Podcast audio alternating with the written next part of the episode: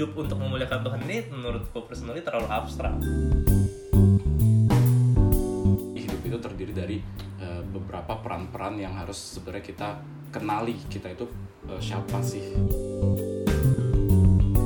gue tahu panggilan gue bukan jadi penyanyi karena gue mati-matian latihan suara gue tetap bakal membuat telinga orang lain berdarah jadi Ayo semua, kembali lagi pada hari ini di Sitok. Ngobrol santai tentang kebenaran dan hidup. Wah, suara siapa tuh? Kita ada satu orang host yang nemenin gua, namanya Timothy. mungkin udah kenal belum teman Timothy. Belum. Eh Siapa udah Timothy? deh, udah gue cukup eksis kok. Ya, Terutama di GKI BSD. Timothy itu Jemaat kayak BSD. Iya. Hari ini kita Baru bakal datang aja langsung dikenal loh sama rumah, sama pemilik rumah. Pemilik rumahnya siapa? Bang? Pemilik rumahnya om sama tante. Anyway, hari ini kita bakal ngebahas tentang life purpose or life calling bersama dua tamu kita. Ada Winner dan Niko. Kalau gue nyebutnya Koko Winner dan Koko Niko, sama ini Koko Angga, karena gue paling muda di sini. halo semua Hai. Coba perkenalkan diri dong kalian eh, biar semua kenal. Mungkin kan nggak cuma jemaat GKI BSD yang bakal dengerin siapa sih Niko, siapa sih Winner gitu. Ah, hai semua kenalin gue Niko gue ada kokonya winner Dengan background profil, kerja sebagai apa, lulusan apa. Hmm, oke jadi kalau S1 gue gue ambil hubungan internasional. Terus S2 gue gue ambil kepemimpinan dalam pendidikan Kristen. Jadi ya mainnya sekarang di se- seputar pendidikan sih dan gue sekarang kerja di UPH di Fakultas Psikologi sebagai student services. Begitu Halo Winner, Eh, halo gue Winner. Gue adiknya Niko. Apa tadi perkenalannya? Iya, lulusan apa, Oh. sekarang jadi apa? Eh, dulu gue kuliah S1 jurusan arsi- arsitektur. Eh, tapi sekarang gue nggak jadi arsitek. Eh, Jadi sekarang kerjanya tetap di dunia desain as a designer. Eh, sekarang gue kerja di SIP Apa itu? SIP itu eh, Sekata Indonesia Perkasa Ah, yang jadi mempunyai visinya itu adalah Menjadi strength, perkasa. integrity, purpose. Oh. saat Itu perusahaan sendiri kok. Enggak lah, itu perusahaan bos gua. Oh. Perusahaan gua. kalau dia udah jadi CEO dia nggak mungkin mau Oh jadi iya. Sibuk sibuk. Iya, Sibuk dia masuk kick Andy atau apa gitu. Jadi kenapa nih kira-kira kalian tau nggak kenapa kalian yang diundang di sini buat ngebahas yang namanya life purpose atau life calling sih? Atau untuk kalian apa sih life purpose, life calling itu? Siapa dulu nih? Dulu yang tua dulu. Yang tua dulu. Iya. Life purpose ya. Iya, tujuan hidup eh, yang semua orang menurut gua harus cari sih nggak bisa lahir terus di tengah-tengah nggak ada apa-apa nggak menemukan apa-apa terus tiba-tiba mati iya ya nggak bisa it doesn't work that way jadi secara uh, naturnya memang setiap manusia pasti longing for meaning and purpose in their lives menurut gue sih gitu nah cuman gimana carinya ya itu ya setiap orang pasti beda-beda Hmm. Ya, gua juga setuju sih. Eh, maksudnya eh, tujuan hidup itu eh, is a very important aspect. Eh, it's the why. Kan the why is Hmm. always eh, the first thing that we need to know in doing anything. Hmm. Menarik ya, soalnya sedangkan setahu gua sih, gua juga pernah ngalamin dan sampai sekarang sebenarnya juga masih mencari Eh, banyak loh kayak khususnya anak-anak yang mulai masuk kuliah teman-teman kita atau yang baru lulus kuliah itu kayak Hmm. Kita nggak tahu hidup kita ini mau dibawa ke mana Hmm. kayak kayak lagu aja iya kayak gue tuh bahkan dari awal SMA ke kuliah ya gue nggak tahu sih kok kayak lu tipnya gue sendiri nggak tahu pas gue SMA ke kuliah gue mau jadi apa sih Hmm. gue sekolah ini untuk apa sih kayak hidup itu ngalir aja gitu tidak ada purpose Iya, setuju setuju gue juga gitu kok. Hmm. Nah terus kebetulan kita ngelihatnya Koniko dan Kowiner ini yang memang udah jelas ya arah dan tujuan hidup. ya lah sama-sama udah mau merit iya, jauh, jauh lebih jelas lah. Ya gue gimana, aduh. Eh, dibanding kita yang kayak masih Iya. nggak jelas mau ke mana Gue kerjaan sama ini juga nggak cocok kayak Kowiner. Tapi gue nggak menemukan tetap kalau Kowiner udah. nah memang lu kuliah apa sebenarnya Oh gue kuliah marketing, kerjanya di bank, bang apa bank bank tabungan pensiunan nasional TBK. sebagai sebagai proses development Nah, ya jangan-jangan itu panggilannya nah itu makanya gue juga nggak tahu sih jadi ya eh, menarik ya ada life purpose ada yang bilang juga calling. Hmm. itu menurut lu pada hal yang sama atau hal yang berbeda tuh? Purpose atau calling? Kayaknya kan kalau calling bunyi bunyinya kayak panggilan itu lebih rohani mungkin ya. Sebenarnya menurut lu gimana sih? Well, uh, menurut gua sih um, to define calling atau tujuan, for me personally it doesn't really matter. Hmm. Buat gua ya, Hmm, hmm. practically soalnya, um, ya it's it's actually sama aja gitu. menurut gua sih sama aja. Let's Tapi- let's make it simple aja kalau buat gua um, dijalaninnya gimana. It's the how. Kalau buat gua, gua punya this this interesting thought yang gua belakangan ini pikirin. Uh, sebenarnya hal terpenting apa yang dibutuhkan untuk uh, tujuan hidup itu kita ketahui adalah self awareness. Jadi tujuan hidup itu buat gua nggak bisa berdiri sendiri. Jadi tujuan hidup kalau kita tahu tujuan hidup tanpa ada self awareness it's useless. Maksudnya uh, kita tahu tujuan kita di mana tapi kita nggak tahu kita posisinya ada di mana. Kita nggak tahu kita mau ke tujuan itu pakai apa. Nah, how-nya kita nggak tahu. Jadi self awareness itu al aspek uh, yang harus mendampingi uh, tujuan hidup yang kita. Ya dan uh, tergantung kita lagi ngomong sama siapa. Hmm, kalau betul, orang betul. yang That's one good. uh, apa ya nggak terlalu ribet cara mikirnya kita bisa bilang ah sama aja. Tapi kalau misalkan orang yang lebih apa filosofis kritis mungkin kita bisa jelasin uh, gini kalau calling itu kan kita yang dipanggil terpanggil. Jadi ada satu oknum di luar sana yang memberikan panggilan itu terhadap kita. Kalau purpose kesannya ya we can create our purpose gitu. Padahal nanti kita akan bisa kupas lebih jauh sebenarnya panggilan ini atau tujuan hidup ini dikasih apa diciptakan sama kita. Ya tentunya dengan salah satu tools itu self awareness jadi ya bisa bagi gue bisa disamain definisinya tapi kalau bisa juga dibedah lebih jauh dan ya itu yang akan jadi pembicaraan kita. Ada orang yang pasti selalu ada dua kutub kan. Hmm, hmm, either hmm, hmm. purpose itu di create atau diberikan dan kita nyari gitu namanya nyari itu sebenarnya udah ada dari sebelumnya Oh, Jadi, ya itu nanti yang kalau kita mau kupas lebih jauh di situ. Tapi sih. pertama self awareness dulu berarti gitu ya kok ya. Mhm. Oh, self awareness itu tuh gimana sih maksudnya eh, contohnya gitu atau sekarang kuliner? Jadi um, mungkin ini lebih lebih lebih dalamnya lagi tentang self awareness itu um, self awareness itu ibaratnya kayak uh, kata lainnya ini self self awareness self image itu penting banget yang uh, untuk kita ketahui. Um, kalau in the Bible kita di, dibilangnya kita diciptakan sesuai dengan gambar Rupa dan rupa Allah. Uh, itu caranya menurut gua gimana caranya uh, untuk bisa mengenal diri kita kita harus mengenal Allah. Karena kita diciptakan serupa dan segambar Allah. Kita ini uh, diciptakan seperti yang tadi Angga bilang atau Niko bilang itu um, kita ini sebenarnya diciptakan dengan tujuan atau kita yang Betul. ciptakan tujuan kita nah uh, the Bible says kita diciptakan oleh Allah kita udah di predestined Hmm. oleh Allah kehidupan kita semuanya uh, meaning kita diciptakan udah ada tujuannya masing-masing and we have to discover it to the journey to discover it and the journey to uh, go to the the apa the tujuan itu um, hal yang nggak bisa dipisahkan Iya, um, dengan kata lain maksudnya ini adalah self identity sebenarnya. Hmm. Everyone needs to Hmm, hmm, answer the question who am I. Nah itu banyak yang ketika kalau misalkan gue kasih training nih ke sekolah-sekolah, ke anak-anak kuliahan, ketika gue tanya who are you, itu akan awkward karena mereka hanya bisa jawab sebatas namanya, gendernya, statusnya, jurusan yang diambil, anak dari berapa saudara, tetapi mereka tidak bisa melihat beyond that. Mereka nggak bisa uh, belum ya belum belum bisa merefleksikan betul-betul siapa mereka di hadapan Allah. Kayak ya misalkan itu image of God. Tapi image of God yang kayak gimana? Sebenarnya broken image of God.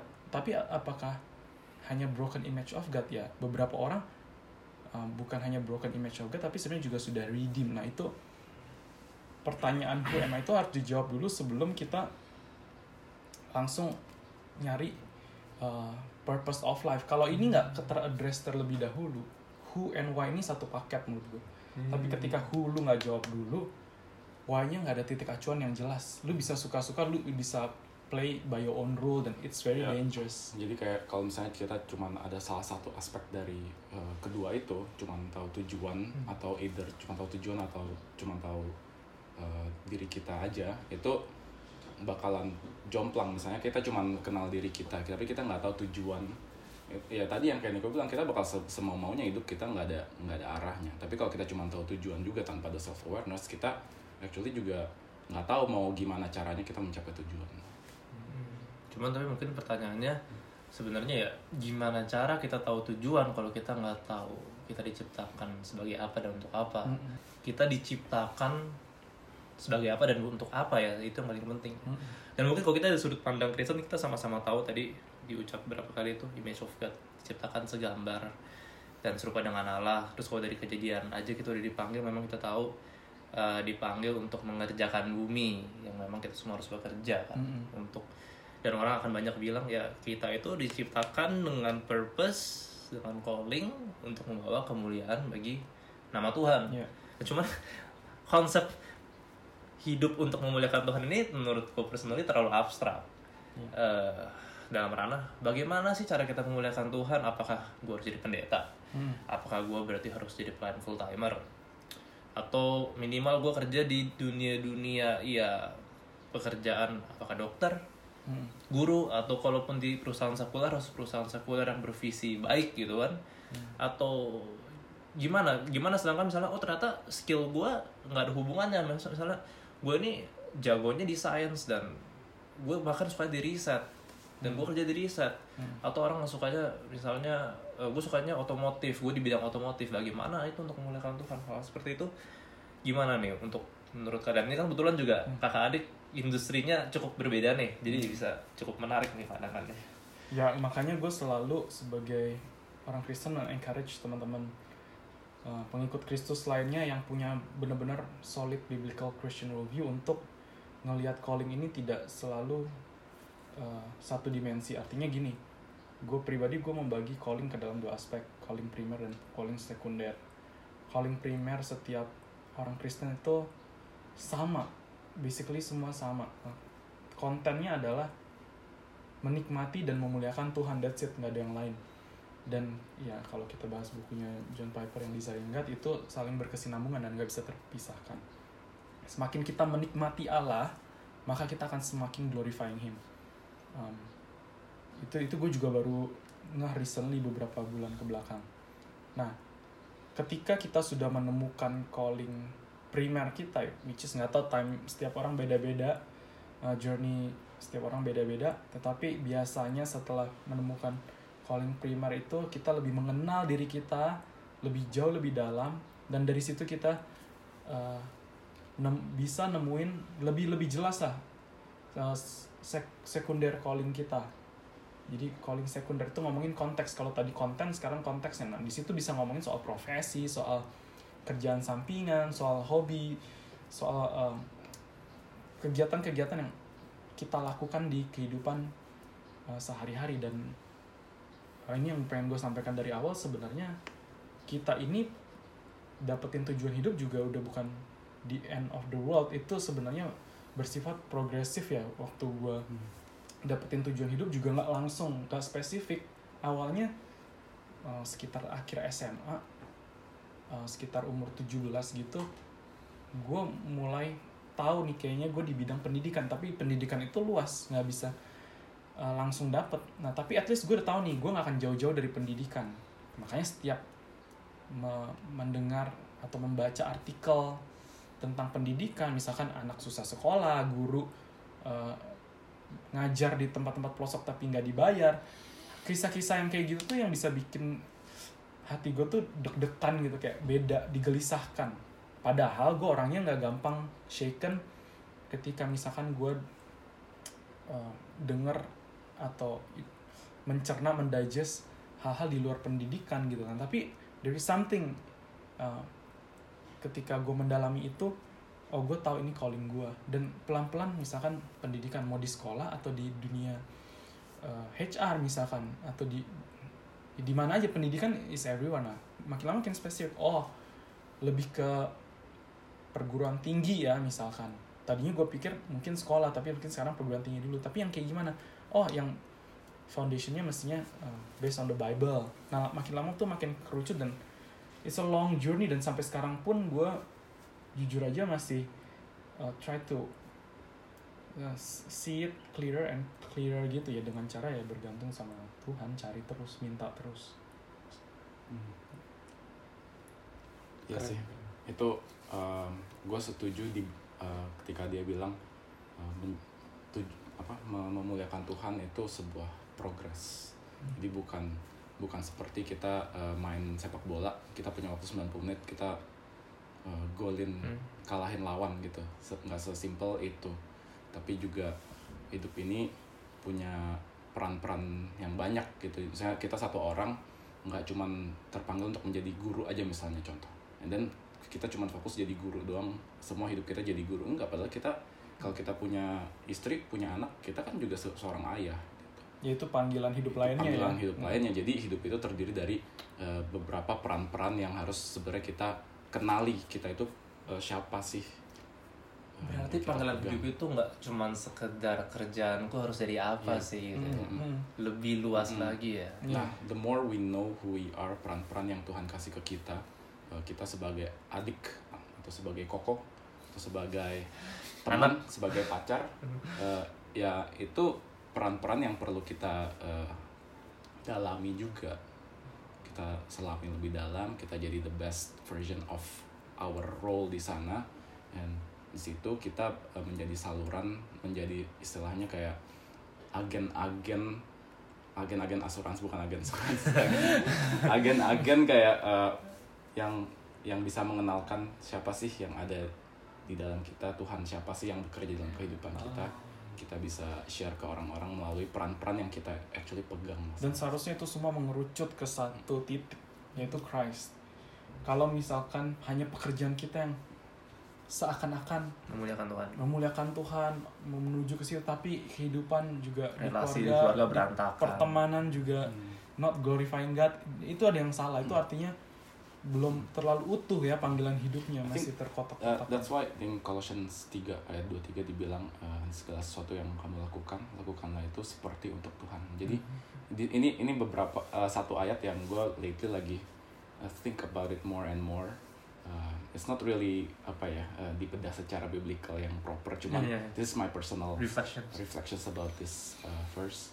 Lakukanlah segala sesuatu seperti untuk Tuhan. Jadi kalau kata seperti untuk Tuhan dan segala sesuatu itu dilakukan seperti untuk Tuhan, berarti segala sesuatu itu sebenarnya bukan untuk Tuhan, tetapi Tuhan suruh kita lakukan seperti untuk Tuhan. Nah, jadi kata segala sesuatu itu sebenarnya uh, ya itu peran-peran kita yang sebenarnya seolah-olah kayak nggak ada hubungannya sama Tuhan. Kayak kita pacaran atau kita punya temen atau kita uh, actually uh, hubungan kita sama sama uh, pembantu rumah tangga kita kayak seolah-olah seolah-olah ya seolah nggak nggak ada hubungannya dengan Tuhan. Kita berhubungan dengan manusia tapi Tuhan uh, menyuruh kita melakukan segala sesuatu seperti untuk Tuhan. Laku uh, di apa amanat yang Tuhan berikan ke kita Hmm. kasihilah uh, Tuhan Allahmu uh, dengan segenap dirimu kan. Hmm. and then kasihilah sesamamu seperti engkau mengasihi dirimu sendiri. Jadi dengan kata lain kalau gue boleh simplify everything you have to be excellent in doing everything you do Gitu. itu salah satu uh, how yang udah Tuhan kasih nih Tuhan preskripsikan oke lu mau muliakan mau muliakan gua ini caranya do everything seperti untuk gua Berarti ketika kita bilang kita harus kerja maksimal, kita harus kerja excellent itu dalam konteks excellentnya bagaimana kita mempersembahkan segala dalam hati ya Iya. dengan niat kita itu Hmm. untuk Tuhan gitu Ya, ya. Itu kan bilang terpenting. segala eh, segala sesuatu eh, kasihlah Tuhan Allahmu dengan segenap Segenap segenap segenap apanya segenap apa aja itu. Segenap hati. hati. Ya pikiran, pikiran iya. Kekuatan. kekuatan. Jadi all aspects of our lives nggak cuman kekuatan kita nggak cuman aspek physical mental and jiwa spiritual itu juga eh, satu kesatuan yang harus kita persembahkan and be excellent in those areas. Nah, again seharusnya ketika kita yang dipertaruhkan adalah seluruh pikiran jiwa raga segala macamnya nggak mungkin kalau kita nggak seneng nggak happy Hmm. nggak nggak ada joy di situ. Harus ada joy di situ. Ya jelas pikul salib tapi pikul salib artinya gini bukan karena kita nggak suka sama apa yang kita lakukan tapi mungkin lebih kayak yang permasalahan terus muncul yang permasalahan itu membentuk kita seperti uh, seperti Kristus. Itu itu definisi salib. Tapi sering kali kita mengsalah persepsikan ketika kita menjalani calling kita sebagai orang Kristen uh, kesannya berat kesannya ya out of duty. Sebenarnya Tuhan nggak mau juga kita ngerjainnya tuh karena out of duty. Duty kita nggak ada udah beres bagi gue ya. Kita harus merasa bukan merasa kita harus tahu dulu bahwa permasalahan terbesar kita yaitu dosa yang kita nggak bisa address sendiri itu udah beres di hadapan Tuhan. Sehingga menjawab calling pun itu tidak mem- menambah keselamatan. Keselamat kita udah di given di depan. Sehingga kita jalanin ini semua harus ada perasaan satu sukacita satu That's the reason kelegaan kan karena the reason That's the reason. That's the reason kenapa kita melakukan segala sesuatu yang terbaik ya karena Sukacita. kita udah di enable Mm. Enable. untuk bisa melakukan hal tersebut.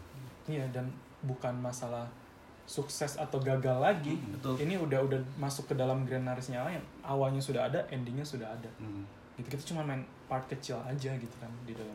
Ini menarik sih karena gue rasa begitu banyak orang menjalani hidup itu dengan rasa lelah, dengan bersungut-sungut.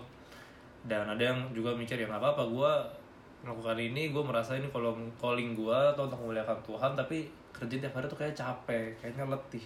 Padahal Tuhan memanggil kita kan datanglah kepada aku yang letih lesu untuk mendapatkan istirahat gitu ya. Jadi apakah itu sebuah tanda? Maksud gue apakah ketika lu mengerjakan sesuatu dan lu sebenarnya tidak menemukan sukacita di situ itu tanda kalau it is not the right place probably kita harus cari yang lain Tergantung sih menurut Ya, gue. ya itu cap, orang capek orang letih Iya. itu I think uh, alasannya bisa banyak sih ya. Mhm. Tapi generally um, kalau lagi ngomongin tentang kita mau discern apakah ini uh, hal yang sebenarnya our calling atau tujuan hidup itu well bisa jadi ketika kita melakukan hal tersebut dan kita kayak keep on struggling dan kayak Nggak ada joy nggak ada gitu. joy-nya bisa jadi itu uh, kita on the not the quite right track.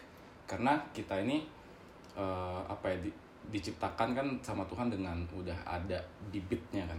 Udah ada bibit-bibit yang perlu kita grow and then berbuah istilahnya seperti itu. And then sometimes kita di di apa dilahirkan dengan dengan broken social environment social, social structure dan itu membuat kita uh, semakin ada banyak kabut-kabut dan banyak uh, lapisan-lapisan di mata kita yang kita uh, makin bikin kita bingung kita ini sebenarnya siapa dan mau ke mana.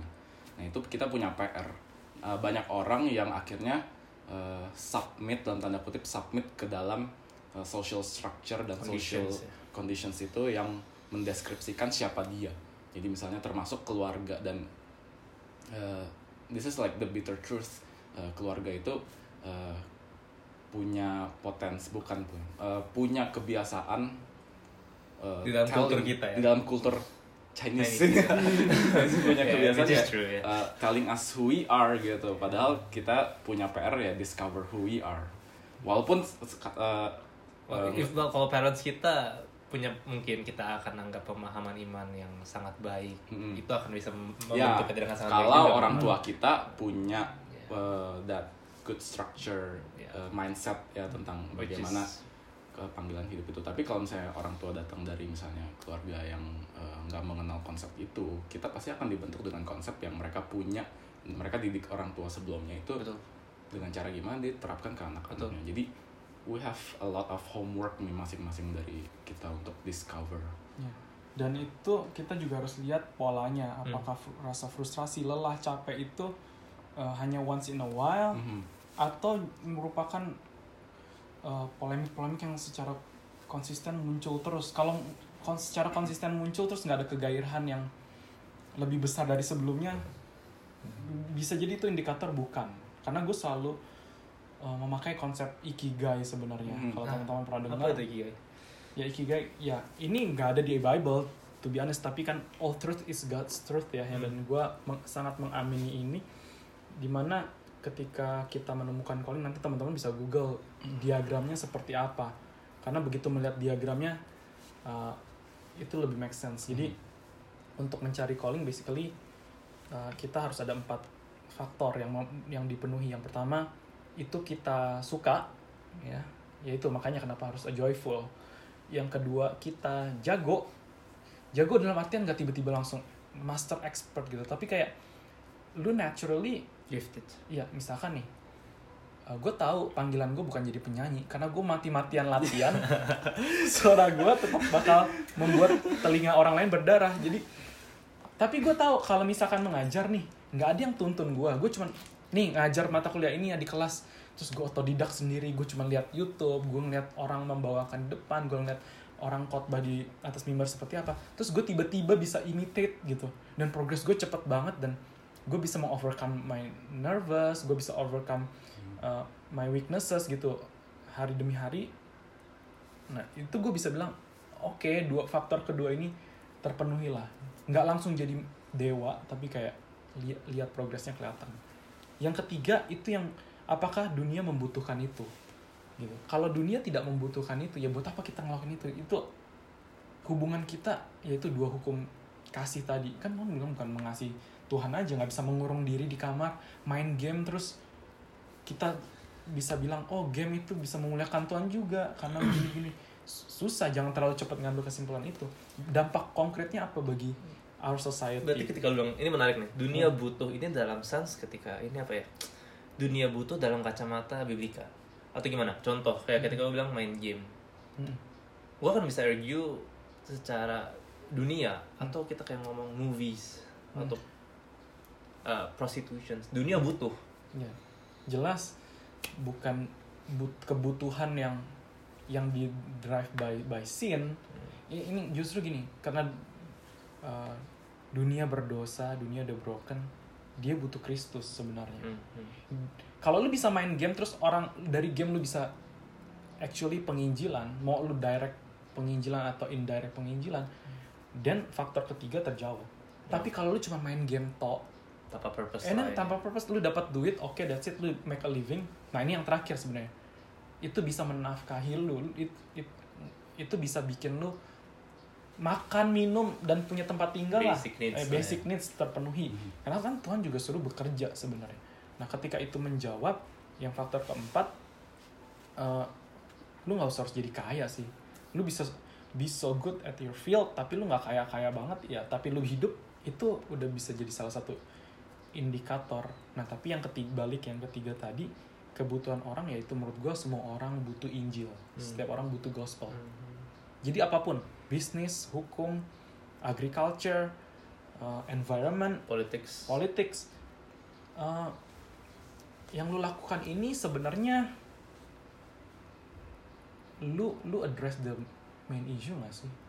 Nih kalau lu jadi bisnismen otomatis lu akan menjual produk itu any businessman nggak mungkin. Either produk atau jasa. Tapi apa yang membedakan uh, Christian businessman sama yang bukan? Mhm. it's karena it's beyond produk and jasa. Winner jelas pasti lebih tahu ya soal ada value di balik itu dan bagaimana ada upaya-upaya untuk memperkenalkan Kristus. Nggak harus bikin mereka percaya Kristus tapi tanggung tugas dan tanggung jawab kita adalah memperkenalkan Kristus gitu baik direct ataupun indirect dan sore ini yang menarik banget gue lihat ya di Kigai itu sendiri. Itu kan kita bilang itu not truth yang lu ambil dari Bible tapi memang metode yang kita pakai banyak orang pakai profesional. Hmm. bahkan di dunia profesional pun mereka menaruh uang itu di kriteria terakhir ya. Hmm. sedangkan kita sering banget berapa sering kita mencari tujuan hidup itu duit utama kan dengan what can I get? Apa duit yang gue banyak ini bisa bikin gue kaya atau enggak? Hmm. I think um, uh, kalau ngomong tentang duit atau mungkin tentang uh, apa ya, gue gue suka uh, memakai uang itu sebagai uh, sebagai leverage. Mhm. Jadi uang atau power atau fame uh, itu nggak boleh dijadikan uh, tujuan terakhir karena sebenarnya uang, power, and fame itu adalah sebuah implikasi Hmm. hanya implikasi aja. Kalau kita jadikan itu goal, sebenarnya itu akan never ending, Hmm. never ending dan kalau yang namanya tujuan itu pasti ada ada sebuah endingnya End. gitu. Kalau uh, apa namanya that three things money, power, and fame itu sebenarnya uh, incomplete. Itu cuman bisa dipakai sebagai leverage leverage untuk kayak uh, kita bisa mengembangkan me- memperluas influence kita Ya. uh, dan impact kita uh, di dalam dunia ini itu gue memandang uh, money power and fame itu Sebagai boleh tool lah sebagai alat. alat, iya alat nggak nggak bisa jadi tujuannya aja kita harus pakai itu untuk something dan uh, tadi ngomongin tentang ikigai uh, there's one thing kalau yang yang interesting adalah kenapa ditaruh di akhir uangnya itu. Karena itu kan eksternal orang yang memberikan kita uangnya. Jadi uh, dari keempat aspek itu ada dua aspek yang actually datang dari diri sendiri di dalam. Dan itu yang sebenarnya per- uh, lebih uh, apa ya yang lebih bisa kita sentuh dulu lah istilahnya. Kayak kita kalau mau kita uh, di aspek yang ketiga tadi apa? Uh, dunia butuh. Dunia butuh, butuh needs um, iya dunia butuh tapi we can only give what we have. Kalau kita Nggak nggak punya. punya kita nggak bisa nggak bisa kasih. Nah yang kita punya itu apa? Yaitu di dua aspek pertama. It's the strength kekuatan kita ability kita sama passion kita sebenarnya. Kita suka. Nah ini ada uh, strength uh, kekuatan sama uh, ability kita sama passion kita. Ini ada ada one framework yang gue I think I want to share untuk kita bisa memba- membantu kita identifikasi apakah kita ini udah melakukan sesuatu uh, hal-hal yang kita actually are made to do atau belum. Hmm. daripada kita uh, dwelling on the things dan yang kita ngerasa aduh gue ini kok gue capek terus sih kerja di sini. Aduh kok gue nggak nggak nggak nemuin joy sih. Aduh kok gue nggak bisa perform di sini. Sih mendingan kita cari yang kita bisa dan yang kita suka. Jadi strength kekuatan kita itu terdiri dari dua dua elemen yaitu ada performance kita ability kita sama yang namanya passion. Nah performance itu apa sih? Performance itu adalah hal-hal yang bisa kita lakukan dengan baik dengan eh, menghasilkan sesuatu dan bisa dinikmati orang. Dan orang lain tuh actually udah pernah mengjustify our our works. Misalnya uh, at least say thanks. Paling paling minimal gitu. Say thanks about our uh, our deeds to them our apa contribution to their lives kayak itu nomor satu. And then Contohnya gimana coach? uh, contohnya contohnya. Aku dari aku sendiri ya gini. Jadi aku ini um, aku punya one ability yang aku dari dulu itu uh, kalau aku trace back yang I think I have done this for so many years tapi baru nyadarnya uh, di akhir kuliah adalah I I have a good ear good ear itu dalam artian uh, I love to listen to people. Orang ngobrol. Orang cerita apa apa uh, I love to to listen to sit and just to be there for that person for hours for so many hours. Bahkan dari zaman waktu gue masih SD baru baru puber itu orang-orang baru mengenal yang namanya cinta-cintaan. Ya sukanya cerita ke gue dan gue nggak tahu kenapa orang suka cerita ke gue itu uh, di satu hal uh, mungkin itu ada ada menyangkut passionnya juga di situ ya. Karena gue enjoy doing it. Tapi di satu hal kalau gue nggak kuping gue nggak bagus uh, orang nggak bakal mau cerita sama gue nah salah satu uh, salah satu indikasinya adalah orang mau datang ke ke kita uh, for that jasa atau for that quality yang kita punya. Itu ability kita. Seperti itu. Then kalau ngomong mau ngomong tentang passion indikasinya gue bisa indikasi uh, uh, ketiga aspek. Aspek pertama itu sebenarnya waktu. Ketika kita melakukan hal tersebut time flies rasanya. Kayak waktu berjalan so fast sampai kita nggak nggak nyadar wih gila udah tiga jam aja gue ini ngobrol sama nih orang gitu. Atau misalnya wih gila udah tiga jam aja nih gue kerjain desain ini. Sen- seneng banget gue wih udah udah lewat lima jam nih gue ngajarin orang something kayak gitu. Itu tentang waktu. And then uh, the next level of time adalah even if we do not have time we will make the time for it. Gitu. itu indikasi pertama tentang passion. And then indikasi keduanya itu adalah uang. Money does not really matter for us jadinya. Kayak misalnya even if we are not paid for it we are willing to do it. Ya, uh, momen ketika gue yakin betul sama second calling gue ya. Ini dari tadi kita uh, beberapa menit ke belakang itu jangan salah diterjemahkan. Hmm. Kalau dibolak-balik uh, kacau. Hmm. Jadi ini ikigai ini khusus Second untuk calling. ko- second calling. Nanti gue jelasin kenapa it has to be redeem ikigai ini karena nggak lengkap gitu. Nah, gue waktu ditanya, jadi waktu itu gue ikut seminar atau apa ya? Yang yang ngomong di depan tanya, oke sekarang pejamkan mata, bayangin Jokowi ngelua- ngeluarin sebuah policy. Polisinya adalah seluruh warga negara Indonesia harus bekerja dan uh, pilih sa- salah satu pekerjaan yang ada di dunia ini. Sa- Satu aja. Tapi Gak digaji. nggak digaji, nggak terima penghasilan. Pekerjaan apa sih yang lu lakuin? Ya gue tanpa pikir banyak, gue ngajar lah. Gua- ya pasti ngajar kenapa ya itu tadi time flies, gue enjoy, gue passionate, jadi nggak dibayar juga. Worst case-nya nggak apa-apa. Nah, ya, Aslinya apa-apa, karena kita tuh makan. Nah indikasi ketiganya yang, yang paling interesting adalah even if we are not paid, even if we uh, dalam tanda kutip kayak se- kayak waste our time karena time flies so fast, kita indikasi ketiga you will do it again and again and again and again. Jadi uh, I think yang udah Tuhan tanamin ke hati kita uh, nggak boleh kita anggap enteng karena itu uh, Tuhan memberikan kita hati yang perlu kita uh, perhatikan dan kita dengarkan gitu. Tuhan itu Roh Kudus tinggal di dalam kita kita dengarkan apa yang Tuhan mau omongin ke kita. Nah yang nggak boleh dipisahkan dari itu gue setuju banget kenapa perlu di redeem karena nggak komplit adalah kalau kita cuma sekedar mendengarkan hati kita itu ya ujung-ujungnya kita gitu. Tapi Ya. Tuhan yang tinggal dalam kita Roh Kudus yang ada dalam kita itu tugas kita adalah kita berrelasi dengan Tuhan kita di, di dalam diri kita. Dengan kita berrelasi dengan Tuhan kita akan uh, punya uh, pandangan tentang diri kita yang utuh dan kita akan uh, uh, se akhirnya se sejalur dengan apa yang Tuhan inginkan kita lakukan. Iya. Dan kalau ngomongin passion, seharusnya passion semua orang Kristen adalah tentang Christ. Jadi passion tentang pekerjaan itu sendiri nggak boleh lebih besar. Kalau kita passionate about something, um, Ngajar. something itu eh, perbuatan, pekerjaan yang di luar kita, itu tidak membuat passion kita terhadap Christ itu makin apa ya, menggebu-gebu. Hmm. There's something wrong with it dan jangan-jangan kita sudah make our calling as an idol. Nah ini yang sering terjadi di mana si pemberi calling itu dikalahkan dengan superioritas callingnya. Ekstrimnya bahkan seorang pendeta yang lebih suka khotbah Iya, daripada Tuhan, dia sudah menghambakan callingnya itu karena Iya. jadi kosong semuanya. betul. Jadi uh, nggak nggak ngefek lu mau pekerjaan noble kayak tadi lu mention di awal, dokter, Hmm. pekerja sosial, guru, Guru. uh, pendeta. It doesn't mean anything. Ya, Kalau cara jalaninnya kebolak-balik kayak gitu. Hmm.